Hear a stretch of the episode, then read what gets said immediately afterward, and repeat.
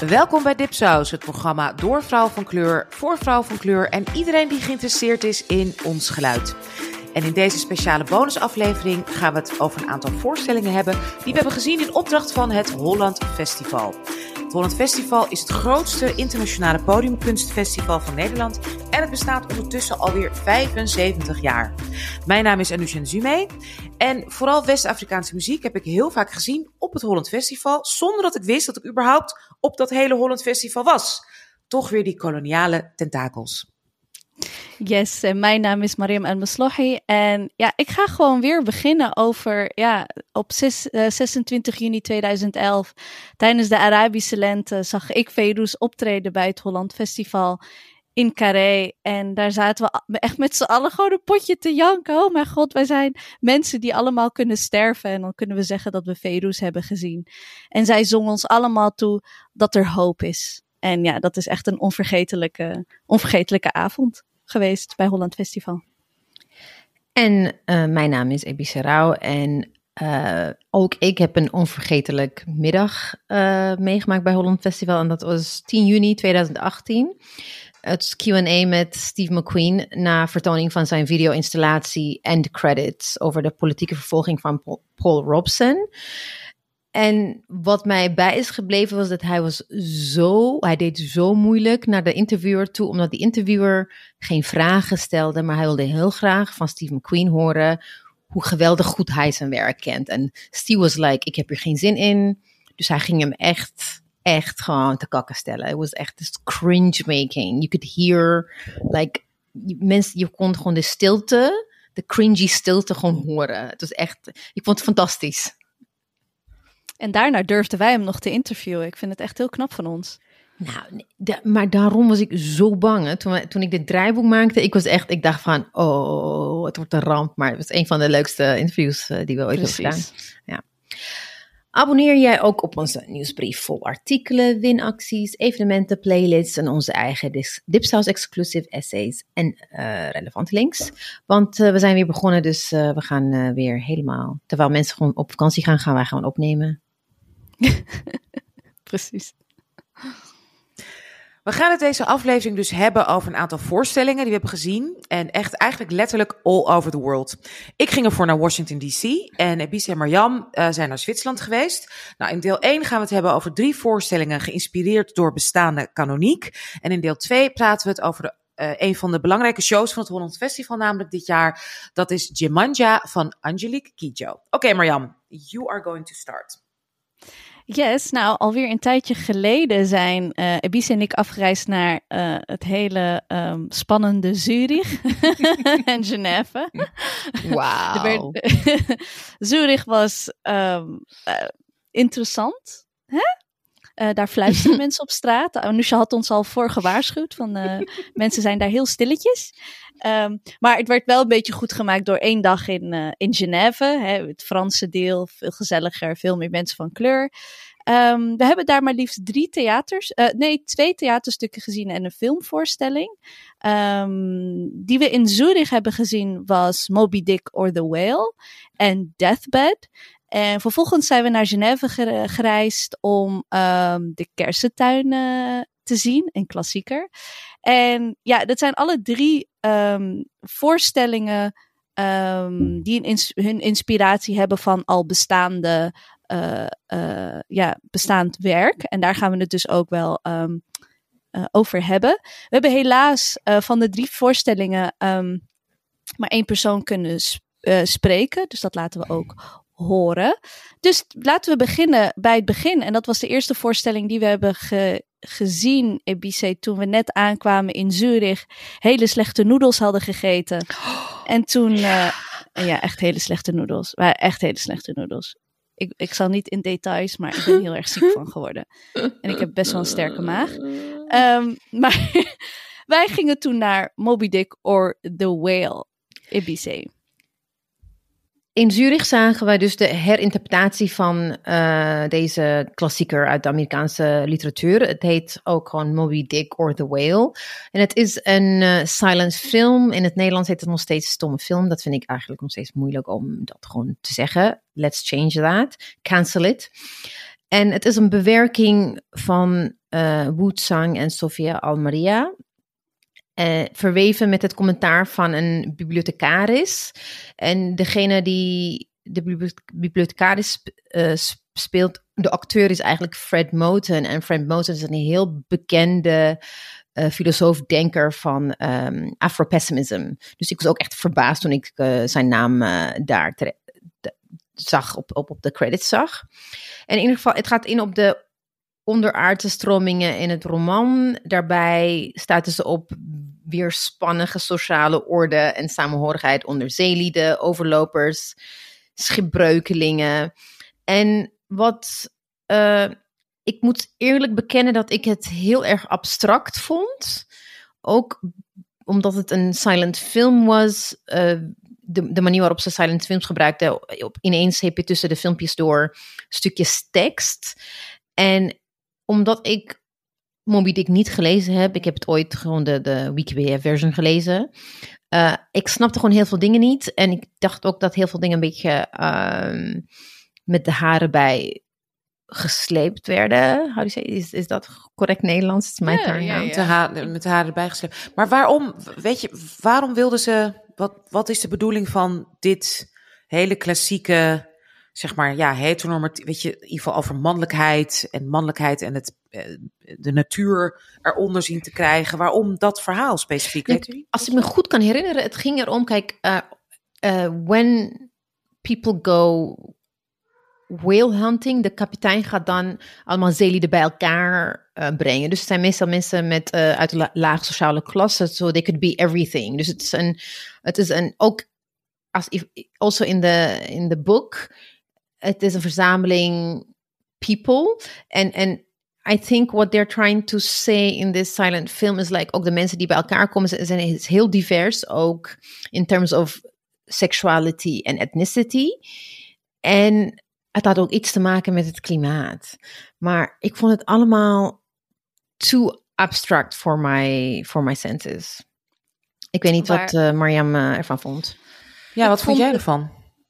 Um, ja, ik, ik, ik, kon het, ik kon het ook niet echt per se volgen. Maar wat ik wel mooi vond om naar te kijken, is hoe fluide gender in, in de film is. Um, het is, het, is een, het is verfrissend om te zien dat je niet de hele tijd bezig bent met wie is het mannetje en wie is een vrouwtje en wie identifies as what. Je, je, je moet dat helemaal loslaten en just indulge in the characters. Um, daarvan. En ik heb er zelf een verhaal, ik heb er eigenlijk een soort van queer love verhaal in, in gezien. En dat vond ik ook wel heel uh, uh, ja, interessant om te zien. En dat klimaat, wat ik me nog kan herinneren, is dat. Um, dat er één shot is heel snel van dat je een um, dat je de whale ziet, maar ook zeg maar zo een, een hoe noem je dat zo'n olieboormachine. Uh, en volgens mij, ik heb ervan gemaakt van, hè, kijk, kijk nou, as chasing eigenlijk een beautiful animal. Waar je, uh, waar vroeger kaarsen, waar je vet van kon afhalen. Um, weet je, ik weet, een heel dorp kon zowat bijna, ik weet niet, een aantal maanden leven van een walvis vroeger.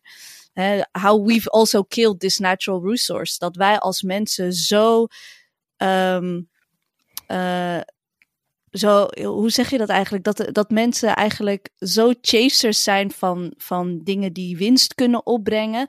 Uh, dat je niet kan loslaten van, oké, okay, a whale, oké, I get it, weet je, a, whale took your leg. It's not cool. It's not nice. Um, maar ook van, oké, but the whale is an animal. En als jij op land blijft, heb je er geen last van, I guess. that's, that's what I thought. Maar ik snap wel wanneer Ebice zegt dat het een beetje geforceerd af en toe was. Um, dat ik dacht zo van.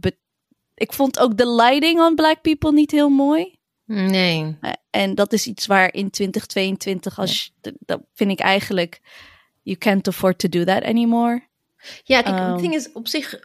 I mean, terwijl je aan het praten bent, was ik ook aan het nadenken. En it does make sense om een link te maken met uh, environment. Want toen werden gewoon de, de hand voor potvissen. Het was gewoon, I mean, die uh, whaling ships were, waren toen ook en nu ook zijn gewoon killing machines, weet je wel. Dus in that sense, it does make sense om daar een link met um, environment te maken. Maar waar ik eigenlijk vooral, meer moeite mee had, was ook niet met de gender fluidity per se, maar, maar dat imperialism en, racism uh, echt gewoon doorheen gedrukt werden. En het, het staat mij, het dit staat los van um, this particular uh, silent film. Dat hele idee van je pakt een kanon, like a canon of complete and utter whiteness, en ga je, je dwingt kleur en diversiteit erin. En ik vind dat gewoon niet meer interessant anno 2022. Dat is mijn persoonlijke ervaring. Hoe in, reinterpreting de kanoniek is in mijn opzicht versterkt de kanoniek alleen maar. It doesn't change it. Mm. Het vervangt het niet. Mm. Je, zegt, je bent nog steeds aan het zeggen: dit is het hoogst haalbare en dit is onze, eh, onze queer slash uh, uh, diverse interpretatie daarvan. Dus ik vind dat. Ik, ik, ik, weet niet hoe jullie erover denken, maar ik ben een beetje. Ja, je, hebt ook wat, je, je, houdt ook niet van schilderijen van zeg maar, ik zeg maar het meisje met de, met de parel. Uh, nee, ik vond het leuk in de 90s. Toen vond ik het leuk. maar nu denk ik van oké, okay, uh, can't we just make up our own? Kunnen we niet nieuwe kanoniek uh, maken? Of ik vind, ergens vind ik het ook een beetje lui. personally, it's a sure way of getting attention from white institutions. Als je hun favoriete werken verheerlijkt met een beetje een smaakje. Ben ik, ben ik heel harsh? I don't know. Misschien ben ik echt mensen aan het beledigen nu. Oh my god. Wat het eigenlijk een beetje illustreert, is hoe weinig we gewoon weten dan van onze eigen kunst, onze eigen achtergrond. Weet je, de Benin Bronzes of zo. Of realisme dat al duizenden jaren voordat het in het Westen kwam in eh, Egypte bijvoorbeeld en in, nou, in heel Afrika ook werd, werd, werd gemaakt. En dat leren we niet en dat leren studenten hier ook niet. En dat leren ook studenten van kleur bijna niet. Dus nee. dat, dat illustreert dat heel erg. Dus ik, ik, dat, dat voel ik. Ik snap aan de andere kant wel dat je als je inderdaad embedded bent in whiteness en je opleiding en alles, dat je er iets mee wil met wat je altijd hebt gezien. Maar ik denk dat het interessanter en sterker zou zijn als die studenten ook veel meer werden opgeleid in wat uit onze diaspora, hè, wat uit de landen waar wij vandaan komen, wat daar al duizenden jaren werd gemaakt. Dat ze dat wisten en dat bestudeerden en ook dat Precies. Uh, meenamen in hun in hele opleiding. Ja, nee, helemaal eens. Want uh, Kehinde Wiley had ook uh, die American Nigerian painter, die ook portretten van Obama en de Obama's heeft gemaakt. Niet Obama en Obama, gewoon de Obama's. Nee, ja, niet. maar niet die, van, niet die van Michelle Obama. Nee, dat nee, was nee, nee, vrouwelijke. Van, oh ja, dat is van... Hij heeft van... Ja, Kehinde heeft... Wiley heeft ja. van... Um, Barack ja, Obama en, gedaan. En hij is ook gewoon beroemd geworden, al already, a couple of year, uh, decades ago, door bijvoorbeeld dat hele beroemde Napoleon schilderij op een paard, te paard die aan het stijgeren is, heeft hij een zwarte man van gemaakt. Wow, I mean, really? ja. En nu had hij in begin dit jaar een hele National Gallery, had echt een solo exhibition in de National Gallery in de UK, dan heb je eindelijk je solo. Het is ook allemaal gewoon herinterpretaties van westerse kanonieken. En dan denk ik, je kan het wel mengen met je eigen uh, history, because hij komt uit Nigeria. There is so much history there that could be, dat je kan etaleren juist aan, aan mensen in de National Gallery. Dus ik vind dat dit soort dingen zijn, kijk, als het nou een nieuwe methode waren, oké, maar het zijn tired old roads well traveled. In de 80s werd het gedaan, in de 90s werd het gedaan, in de odds werd het gedaan. 40 jaar later zijn we het nog steeds aan het doen.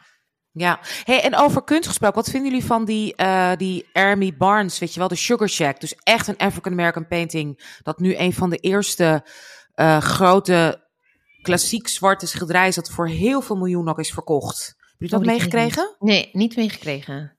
Oh, dat is echt. En dat is dus inderdaad niks. Het is dus niet een schilderij van, oh, kijk ons, weet je, whiteness. Het gaat, het, is, het heet dus, uh, de, het heet uh, de, de, het heet echt de, de Sugar Shack.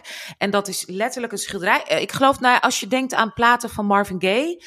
Als je weet je wel, de, de, de, stijl die hij gebruikt. Hij heeft ja. volgens mij ook wel veel met Ernie Barnes uh, tekeningen gewerkt. En dat is gewoon in een houten shack. Zwarte mensen aan het dansen. En dat is nu, ze dachten dat het misschien nou, vijf ton zou... Die is prachtig. Ja, Sugar Shack. En die is oh. net voor, nou, ik weet niet hoeveel miljoen um, verkocht. Oh, die ken ik. Ja, ik, ik, ik, het is, maar ja, kijk, dat bedoel ik. You can also do that, you know? Ja, ja. Arme Ernie Barnes heeft dat niet zelf meegemaakt. Ja, Ook- die ken ik, ja. Dat is heel beroemd. Er zijn meerdere versies daarvan, inderdaad. Oh, Ja, wauw. Ja, ja. ik weet, ik ken hem wel. Precies. Oh, ja, iedereen kent hem. That's what I'm saying. Just like al die andere... You know, like Oh, when I say Napoleon, dat het zo... Napoleon te paard, weet je ook wat ik bedoel. Even if I Ja. don't know the name of the painting. Je, dus dit kan... Ja, helemaal met je eens, Anousha. Mariam. Het kan, hè? Ja. Ja, het kan. En ehm, ik vind dit wel een mooie brug om te gaan naar eh kersentuin, eigenlijk, omdat we al in het thema zitten. Ehm, en kersentuin is een, ehm, ja, eigenlijk ook al een, eh, eh, een bestaand werk. Toch, Anousha? De kersentuin, heel groot bestaand werk. Absolutely. Yes. Oeh, the Russian in her. Ehm, eh, wij zijn toen in Genève daar naartoe gegaan. Ehm, eigenlijk een beetje op het advies van Anousha. Ehm, ook omdat eh, de, alleen al de cast hè, door eh, mevrouw Huppert. speelt. Huppert. Ja, Isabelle Isabelle Huppert. Huppert. Ja, klein vrouwtje, Heel klein, ja. Ja, ze is But- mini mini, ja. maar amazing. Amazing, amazing. Maar ik, ik ga eerst op. Hè, nou, het is een, ehm, het is een klassieker. Anton. ah, oh, sorry, ik ga het goed zeggen. Anton klassiek- Ja, ehm, het is een klassieker eh, van Anton Tchekhov. En het is een eh tra eh, tragedie-komische klassieker, geschreven in eh, 1904. Nou, het stuk gaat over de opoffering van een eeuwenoude boomgaard tijdens de opkomst van het kapitalisme. Ehm, nou, de wereld verandert snel, familie kan het eigenlijk nog net niet bijhouden. En ieder personage reageert anders op de, op de situatie. Nou, je hebt dan ehm, eh, de karakter van Isabelle Huppert, eh Lyubov. Zeg ik dat goed, Anousha? Uh, ze heet Lubov, spreek je het uit in het Russisch. En dat betekent letterlijk liefde. Want je hebt de namen eh, hoop, liefde en vrede. zijn ook vrouwennamen. Oh. Eh, geloof. Geloof, hoop en liefde zijn hele klassieke Russische vrouwennamen. Lubov, Vera, is, dus Lubov is liefde. Vera is geloof. En ehm, wat zeg ik nou? Geloof, hoop en liefde. Ja, Vera. En ehm Nadezhda is hoop. En dat zijn hele klassieke Russische vrouwennamen. Wat grappig, ook in het Arabisch. Ja. Echt precies. Ja, ja. Liefde. is hoop, is een, een meisjesnaam. Iman is geloof, dat is ook een meisjesnaam. Wat grappig, bijna hetzelfde. ja. Twinsies!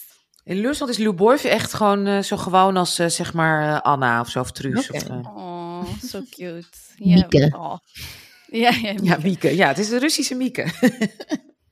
Maar zij klampt zich dus vast aan het, eh, aan het verleden. En eh, is heel nostalgisch, heel eh, melancholisch. Ehm, en ze probeert eigenlijk een. Ik zal niet te veel verklappen, maar volgens mij weet iedereen wel hoe het ongeveer eindigt. Maar ze probeert een zakenman.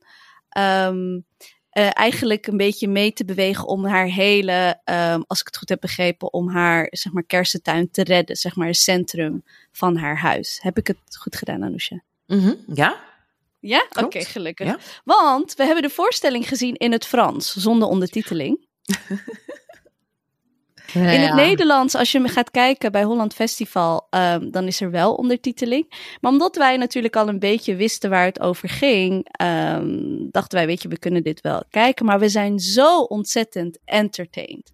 Nou, als we het hebben over hè, een, zo'n klassieke werk, maar dan ehm, laten spelen door zo'n diverse cast, zonder dat het geforceerd is, denk ik dat de kersentuin van, ehm, van de Portugese director eh, Rodriguez, denk ik echt dat het hem goed is gelukt. Ja, want inderdaad, because the siblings, it's like white, black, alles door elkaar. En, en, en de zakenman is ook eh, black man. Eh, De en dochters, de, en de dochter en de dochters en- pleegdochter, allebei zwarte vrouwen. allebei zwarte vrouw en hun broer is dan weer, de broers zijn weer wit. Maar daar wordt niks over gezegd. Het is just like gewoon cast. Het gaat erom, het zijn goede act- acteurs en actrices. En ze spelen gewoon een rol. En het gaat niet, dus zoals bij Moby Dick, het gaat niet over diversiteit of racisme of whatever. They're just siblings. En dat vond ik echt gewoon heel goed werken. Maar wat ik ook heel tof vond zelf was. ehm, ik heb de Franse serie 10%. I don't know whether I'm saying it uh, correctly. 10% uh, heet dat. Het gaat over uh, de filmindustrie, like agents. Uh, oh ja, is het een leuke serie? Het is fantastisch. En ik heb het met Oh. ondertiteling en niet met dub, maar ondertiteling. Dus ik, heel even dacht ik dat ik, Fran ik, ik waande me alsof ik alle Frans... Maar Isabelle Huppert has a cameo, maar ook een van de agents is haar zoon. Dus ik herkende hem ook gewoon. Dus ik, Oh, van de serie. ja, van de serie. Is het leuker dan Emily in Paris? Het is, nee, Emily in Paris is American bullshit. Het is gewoon Franser dan Nee, maar die- wel in. Parijs. Ja, nee, maar het is echt Franser, die persoon kan, kan iemand zijn. Maar alle vrouwen zijn allemaal echt zo heel dun. ja. Als je blaast, gaan ze omvervallen, allemaal. Including Die Isabelle ook hoor. Ja, ik dacht echt, ze ging op een, ge- ze ging op een gegeven moment stampen. En toen dacht ik, mevrouw, easy now with those bones, easy. Is she has niet a stage dun presence. She has a stage presence. Het is echt waar je u tegen zegt. Ja. En ook, wat ik ook heel tof vond, was dat het decor. Uh, uh, there's So music, live music, the lighting, the, the way they A did the hot ca- Moroccan. Oh my god, he was hot. It was Hij was e- het was echt gewoon. En ook like, de, ker, de kersenbomen, zeg maar. Themselves, de, ik, zonder eh, weg te geven what, what they used. Fabulous. En inderdaad, ik snapte misschien 25% van wat er gezegd werd. Maar ik vond het echt geweldig. Dus ik zou dat zeker aanraden. Dus En iedereen moet dat- hem zien. Ja. Eigenlijk wel, eigenlijk Ja. wel. Ja. En, en bij Moby Dick denk ik dat het heel mooi is voor. ehm, als je echt op zoek bent naar queer representatie, denk ik dat je dat echt heel, ehm, dat je dat heel tof zou vinden. Maar bij Kersentuin ga je gewoon naar een heel hoog kwalitatief toneelstuk ga je kijken. Ehm, waarin er echt heel goed wordt gezongen, maar ook humor. Ik bedoel, heb je Ja. ik heb in een deuk gelegen. En ik dacht echt zo van, girl, did you get it? Because I got it. Did you get it? Ja. Dus, Mooi hoe ehm, universeel dan eh, toneel kan zijn, Ja, hè? Precies. Toch. Wel, op, echt. En, het, het- en wat ik soms zo bijzonder vind, is inderdaad dat je dan soms, soms bij sommige voorstellingen, voel je de meerwaarde van toneel. Toch? Dan voel je, oh my god, dat we hier nu live bij zijn en dit zien. Dat overstijgt, zeg maar, dat je leuk een film, terwijl je denkt, ja, maar met een film kan je veel meer laten zien, is realistischer. Nee, als inderdaad het decor, het gebruik van muziek, gebruik van acteurs, als dat allemaal met elkaar samenwerkt en speelt, dan ja, ja daar bestaat toneel voor. 100 procent. En ik heb niet eens zo heel veel toneel gezien, hè. Dus ik kan het eigenlijk met weinig... Ik heb veel Marokkaans toneel gezien, want daar is dat nog heel erg deel van zomer en festivals. Ehm, maar dit, ik, ik heb zo echt wel genoten. Ik heb Ja. echt ontzettend... Dus ik, ik zou hem eigenlijk bijna nog een keer willen zien in Nederland. Met ondertiteling. Met, Met that would be nice. That Ja. would be nice. En ook, er werd gewoon ook... Het is ook typisch Frans. Echt zo van, er gaat gewoon ook gerookt worden. Because they're French and they're smoking. Weet je?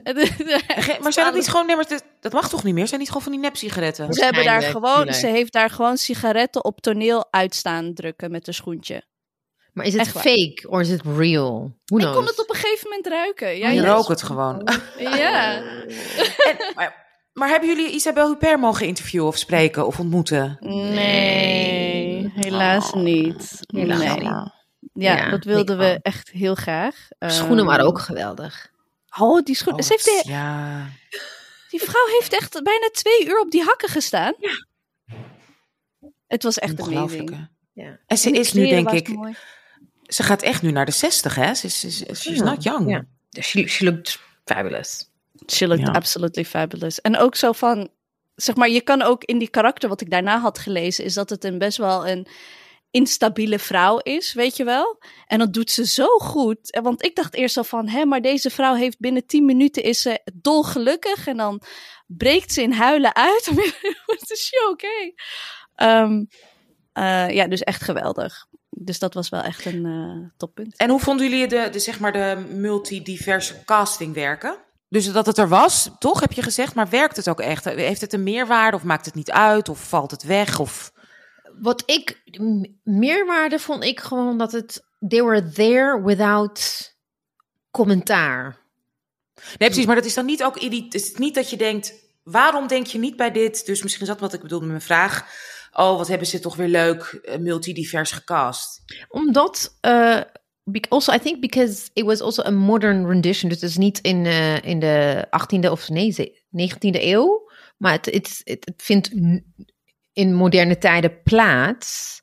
Ik weet niet precies wanneer, to be quite honest. Misschien is het wel... 1900 toch? Speelt zich gewoon af, 1904 of zo. Ja, maar 1902, niet, niet de version, niet the one that we saw. Was ah, die speelde zich af in later. het hier en nu, hè? Ja, ja, ja. ja. Ik, ik- volgens mij wel. Ik, misschien... Maar ze hadden geen corsetten aan, toch? Ze hadden Nee, geen nee, lange nee, jurk en nee. corsetten aan. Nee, Nee, Dus dat is zeg maar abstract. De tijd was abstract. Ja, dat is modern Ja. en abstract. En daardoor denk je, when you think about who's talented and who's not, ze hebben gewoon gekeken van wie is goed en wie is niet goed. En niet per se van eh, ze moeten op ons lijken of het is klassiek, dus ze waren allemaal witte mensen. Dus dat, dat echte meritocratie van we kijken naar Naar talent. talent. Maar het, maar het irriteert je dan niet. Je zit dan niet, Nee, zeg maar, nee. huh, is dat de zus van die? Maar die Nee. heeft stijlhaar en die is donker. Dat, dat, dat, Totaal dat- niet. Nee, ja. totaal Nee, nou, niet. En dat, waarom ik dat dus echt specifiek wil vragen, wat ik altijd zo leuk vind als mensen dat beginnen, hè. Eh, ik ben natuurlijk, ik kom van het toneel, of nou, althans van de Kleinkunstacademie, maar ik heb natuurlijk ook veel toneel gedaan en gespeeld. En wordt altijd gezegd van, ja, maar je moet, weet je, ehm, dat, dat, dat, dan is het verwarrend, dan kijk je toch anders. Luister, in de tijd van Shakespeare, ik bedoel, honderden jaren mochten vrouwen überhaupt niet op toneel staan. Dus alleen mannen speelden alle rollen. Precies. Ja, dus al die mooie Shakespeare-stukken in de tijd van William Shakespeare speelden mannen, speelden inderdaad, eh speelden al die prachtige, speelden al die prachtige eh, Reagan en, en, en Lady Macbeth en eh, noem maar op, werd door mannen gespeeld. Dus sorry. Nee, eens. Ja. Er was ook in Kersentuin is er een character of, I think, a butler. Of gewoon de, en that was a woman. Klopt. Maar je weet eigenlijk wel van, in het oude stuk zal het vast wel een man zijn geweest, weet je wel. Maar dat stoort Ja, je niet, because... Nee. Nee, kijk, wat me misschien wel had gestoord dan was als zij in, eh, weet ik veel, een ander accent hadden moeten doen. Of dat, de, ka- of dat de characters social justice warriors werden gemaakt, snap je? Dat, dat, dat, dat werd allemaal niet gedaan. En ik zou nog best wel willen denken dat ze hadden gedacht zo van, oké, we gaan echt kijken naar, we gaan uit een pool acteurs kijken van, van kleur, weet je wel? Dat, zover wil ik nog best wel gaan, maar Nee, het stoort, je, het stoort je helemaal niet. Ik bedoel, de, de zwarte actrices die zusjes spelen, I mean, they are ageless because they're black women, so you don't know their age anyway. So. Maar verder, ehm, nee. Nee, helemaal niet. Echt leuk, verfrissend om te zien. Nederland kan Mooi. ervan gaan leren. Hey.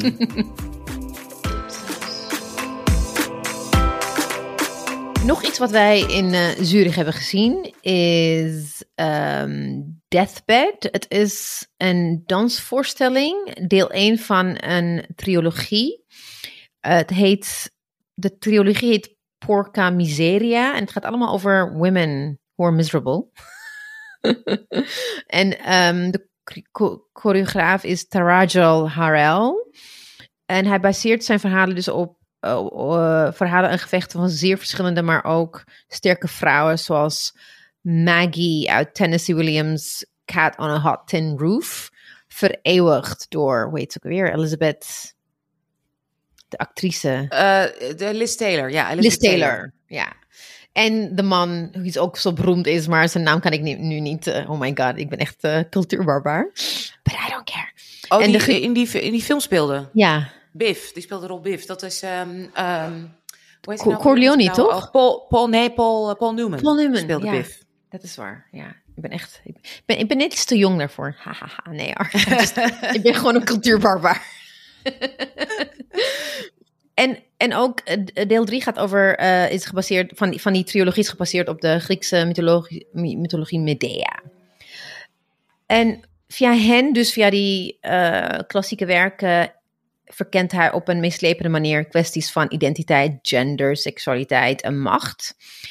Ook doorbreekt Harel de grenzen tussen dans, theater en beeldende kunst. Ehm, het eerste deel is dus zowel een kunstinstallatie als performance. Eh, het middendeel is een film en het derde deel is te zien als een, in een theatersetting. En wat we dus in Zurich zagen was, I think was the world premiere van It was, ja. Deathbed. And I must say it was really quite, it was very impressive. Ja. It was really impressive. Het was En- heel intens. Ja. Je kan ook zien dat het deel duurt bijna eh, vier uur lang. Ehm, waarvan eigenlijk het is twee keer hetzelfde wordt gespeeld. Dus je zit eigenlijk in een loop.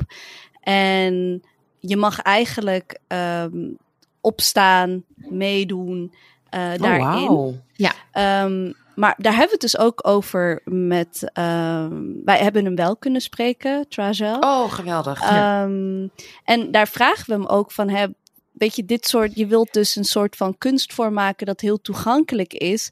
Maar eigenlijk zaten Ebise en ik, wilden we, er waren een paar eh, liedjes. Sade had ik herkend. Ah. En you wanna, je wilt eigenlijk meedoen, but because you don't know the people and because also, weet je, er zijn best wel veel witte mensen. Vond, vonden we het lastig? Mogen we geluid maken? Of is het dat klassieke kunst waar je heel stilletjes moet zijn en helemaal niks mag doen? En ehm, ja, daar hebben we het dus onder andere met, met hem daarover, maar ook over, weet je, van welke Afro-Amerikaanse geografen hij eh, geïnspireerd is. En dat is door Catherine ehm, Dunham. En hij ontmoet eigenlijk zijn idool. En dat is dus Catherine Dunham. En daarop heeft hij ook dus de trilogie eh, gemaakt. Ja. Ehm, dus zij is, zij Catherine Dun, eh, Dunjam, sorry. eh, staat dus ook bekend als zeg maar een, een pionier in de Afrikaanse en Caribische danstradities. En een van de eerste die met die, dat soort dans eigenlijk de wereld eh ehm, overreisde. Ehm, maar ook heel politiek. Hè? Ze was ook een activist en ging op honger- hongerstaking tegen de deportatie van eh Haitian vluchtelingen uit de VS. Ehm, dus ja, ik, ik denk, hoe kunnen we het beste eigenlijk een beetje omschrijven wat we hebben gezien? Ja, kijk, wat, mij, wat ik, okay, the thing is, I didn't recognize all of the songs. There was like some classic, uh, klassiek muziek. Maar op een gegeven moment herkende ik dus in die, er waren verschillende vormen van dans. eh, nee, het was een herinterpretatie van een, een bepaalde vorm van dans die Catherine Dunham ontwikkeld had. Wordt het hergeïnterpreteerd door de dansers in verschillende eh, uitingen. Maar de muziek, ik herkende wel echt eh, Black Revival muziek herkende ik. Hymn, gospel, blues, a cappella en ook like freedom songs. En op een gegeven moment is er ook een soort van een wake, een waken, waar een van die dansers gaat dan dood. En daar is er een soort eh, muziek die je dan hoort bij een waken. Dus ik vond dat... eh, dat is in de tweede helft eh, van de voorstelling, wa- waardoor ik die invloeden van, van, van, van African American heritage, dat, dat dat echt, dat ik daar echt kippenvel van kreeg. Ik vond, ik vond het echt heel erg eh, geweldig. En ik vroeg me af of eh, de, de, je, je, je kan nagaan, het is Zurich, whiter than Zurich, kan het volgens mij niet. En in een setting waarbij je, je kan zeggen dat het een white cube is. Wat je in musea hebt, white cube is ook gewoon een theater, maar it's it's. And I think a lot of things were lost on these people. If you if you're not necessarily rooted in the African American history and, and, and, and culture, wat wij eigenlijk een beetje rooted in zijn, omdat we gewoon, uh, for, because of the Black Atlantic, dat we heel veel affiniteit hebben met, met, met hun cultuur. Ik denk, it's, it's totally lost on these people. En, en daardoor voelen juist mensen zoals Mariam en ik ons niet op ons gemak, terwijl het echt onderdeel uitmaakt van deel van onze identiteit. Dat vond ik. Uh, maar, wat, maar wat heftig. Dus je zit in een voorstelling die eigenlijk heel veel met je doet. En Ja. je wilde eigenlijk dus precies waar de voorstelling hè, volgens mij ook voor gemaakt was. eh, you, you wanna, you wanna experience it door wellicht mee te doen of mee Ja. te voelen of iets.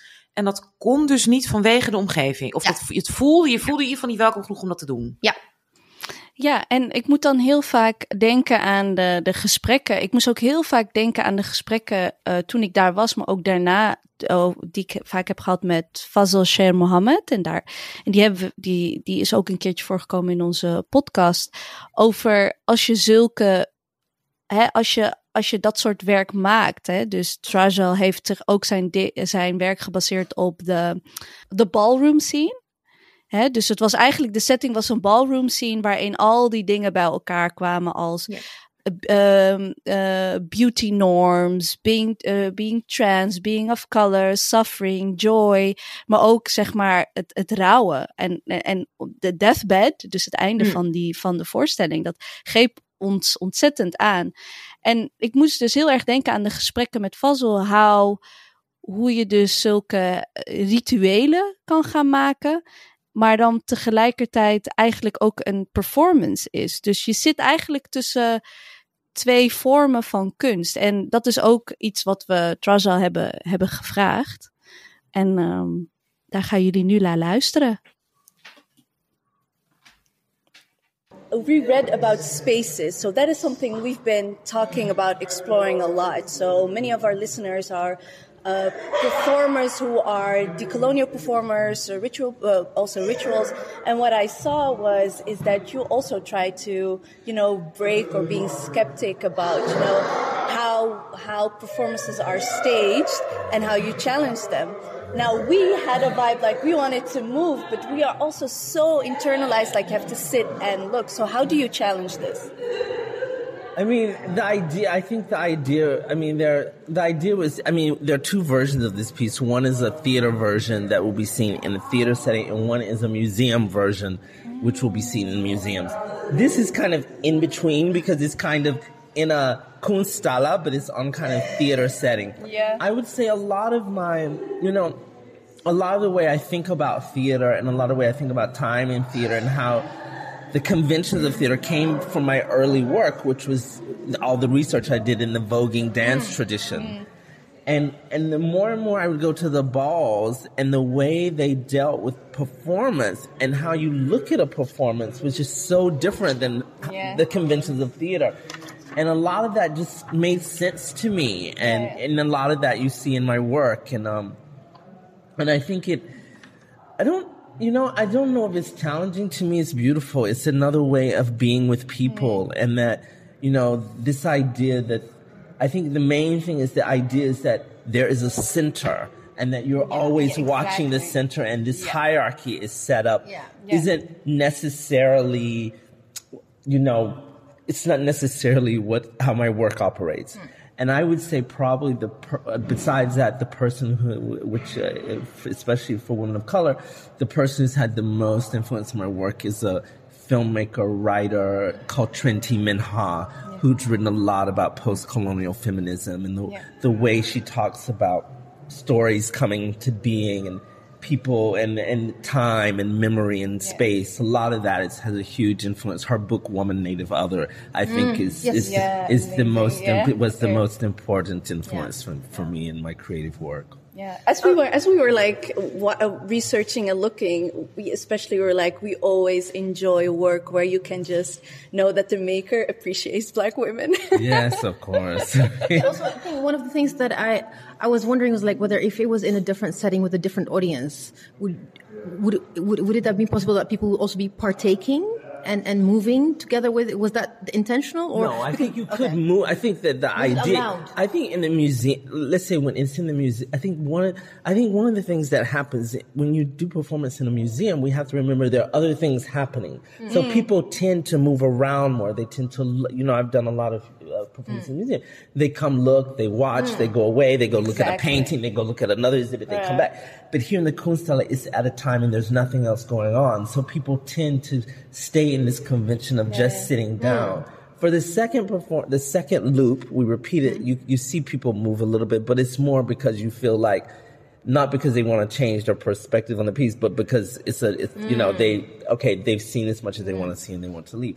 So yes, you are allowed to change positions. You are allowed to move. You are allowed, yeah. but no, this, the, the, the, the thing we're making, yeah. I, I, I mean, I, it's it's nothing it's not allowed i don't know i mean you know these things happen i've done a lot of performances and sometimes you do a performance and someone ah the other night mm. actually I do this dance in the audience. Someone did it, oh, started fair. doing it, because, but I didn't yeah, see it. But people told me because when they're it. voguing, I was like, yeah, Yeah, yeah, yeah. Of course. Yes. It's gonna call and response. of Yeah, and, and I also wanted to, especially the, when the Maria piece came, I just wanted to just get up and then I'm like, I looked around, I'm like, okay, I'm not moving. you know? I'm always thinking, is the maker here? Is, is, is he gonna get upset if I misbehave? No, no, no. I mean, I, I'm from southern Georgia, Yeah, so exactly. Yeah. so call and response is Yeah. is you know it's very important, and I, I I think those types of things are, are quite Yeah, yeah. appropriate. I was actually quite touched. I, I it's unfortunate I didn't see it because I was Mm. dancing, but I thought it was beautiful that this person just decided to do that one night. yeah, yeah, yeah. Yeah. Um, Deathbed is the second act of the trilogy. I, I'm, not, I'm not sure whether I'm pronouncing it properly. It's Porca Miseria. Yes. Uh, we hope to see the other two when we're in the Netherlands. But I was wondering, why did you call the, this act of the trilogy a deathbed? What, what was the reasoning behind Why that? this one yeah, was called. Deathbed? Uh, it's a very interesting story. Well, we have well, time. okay, Right? Well, well, um, the original title was called "The Deathbed of Catherine Dunham," Okay. and we've shortened it to "Deathbed." Okay. Um, and um, really was because I, in 2006, was invited to to to go. Catherine Dunham, uh, many I don't know if many people know, was a very important and famous African American um, dancer, choreographer, activist, anthropologist. And in 2006, someone invited me. She was dying to go visit her. And I said, sure. But I had no idea who I was going to see. I mean, I knew who she was by the book, but I didn't understand the the importance of the moment. And I went and sat with her that day for about four hours. And she knew I was a choreographer, but blah, blah, blah, blah, dan- young dancer. And later, in about it was 2014 i had a residency at the museum of modern art and someone was writing a book about someone was writing an essay about my work and he came to find out that catherine dunham because she hadn't disbanded her she'd gone to tour japan and she disbanded her company that maybe she came in contact with tatsumi hijikata and she actually had a lot of influence on the evolution of buto so I started to read, but no one ever asked her this. And oh. of course, Tatsumi Hijikata never talks about this. But when you start to look at Buto through the lens of Vadun, mm. a whole new world opens up and you start to go, oh, mm. because it's after this that he. Now, wait a minute. Yes, exactly. he starts going to the north of Japan and looking at shamanistic mm. practices. His practice starts to kind of be similar to her practice and her kind of research. And so, and it, it, I wish that day I had had that question. And mm, this piece is kind of about that gap. Like, like how do you deal with these moments that are, you know, how do you deal with that, this gap in history Yeah. that you weren't ready for, but yet you were there, Yeah, you yeah, know? you were there. And in retrospect, yeah, it has. And, and now I have the piece, which I'm very happy that I had. Maybe I would have never had the piece. So, Yeah, yeah. you know, mm. that's Oh, why. thank you, thank you for that Yeah, story. that- yeah, definitely. And how does it fit with the other two acts?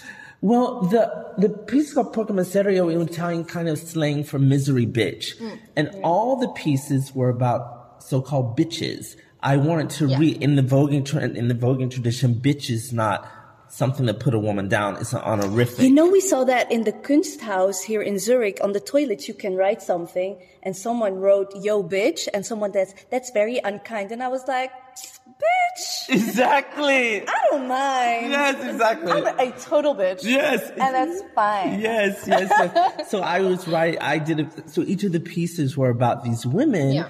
Who had been trying to be disempowered, but who had overcome in some sort of way. And Catherine Dunham, what the, the other two were kind of literary figures, and Catherine Dunham was the one who was, you know, who was a living person. Yeah, I think this it's gonna be our last question. I hope not, but anyway, I'm gonna ask it because we had like really short questions. That's uh, it's interesting that you said uh, that the first were uh, indeed literary figures. That you, you had the Medea, the myth from the mythology, And, Cat- and Maggie the cat. From and Maggie the cat from uh, Cat on a Hot Tin Roof, which are both. Uh, so in a way, you could for, for, forgive me if I'm like reinterpreting it in, in the wrong way, but I thought it was like a retelling or reimagining of like Western canonical storytelling, or whereas with Catherine Dunham, it's the other way around. Was there a reason? Not necessarily the other way around, but more in the sense like one of the things that we noticed is that there's a lot of, even in the Netherlands, with painting, there's a lot of reimagining, retelling Western canonical stories and then inserting African American or Dutch Caribbean storytelling, mixing them in art, in music, in dance, in theater. Is that was that intentional or? Well, I'm always looking for the gaps and fissures in history. I love history, but we all know that history is not the truth. It is not the only story. And so I'm always looking for those gaps and, and, and those fissures in history. My work has always been about that. And, um, and of course, the Medea story, what I was interested in the, in the Maggie story was that you never hear about the servants in the, but the, but the- servants are like these shadow people. So I try to tell Cat on the. Hut, yeah, I try to tell Cat on the Hut Roof, this character of Maggie through their vision. And Medea, of course, is also, you know, she's considered to be the ultimate bitch because she kills her children. So I also try to talk about Medea as someone who is in love. Like, what what does that mean to be so deeply in love? Um, so I think you know, I I. I, I, always go back to something that Toni Morrison said, talk about a great, you know, a writer of color. She says, you know, I had to write the books that I wanted to read.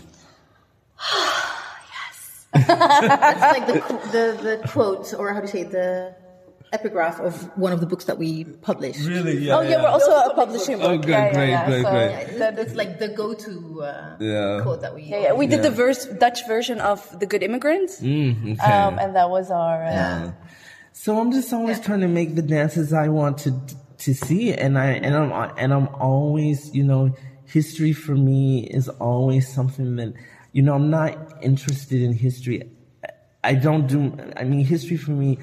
I go to a lot of archives. I say hmm. I, I've done a lot of archival work, but I don't do it the way other people do it. Yeah, you know? exactly, Like. I there's no way because we hmm. because we know there's so you know I go back to that Trinity Minha how she talks about like the story desires each of us to come into being. Yeah. Yeah, You know, yeah. and so we know everybody has not come into their voice is not Yeah. come into the Yeah. story, and so That's um, very Yeah. recognizable. Also because I don't know who said it, but there was this this this quote where it said history is always written from the point of view of the overwinner. What's overwinner? The conqueror. The conqueror. So Yeah. it's it's yeah.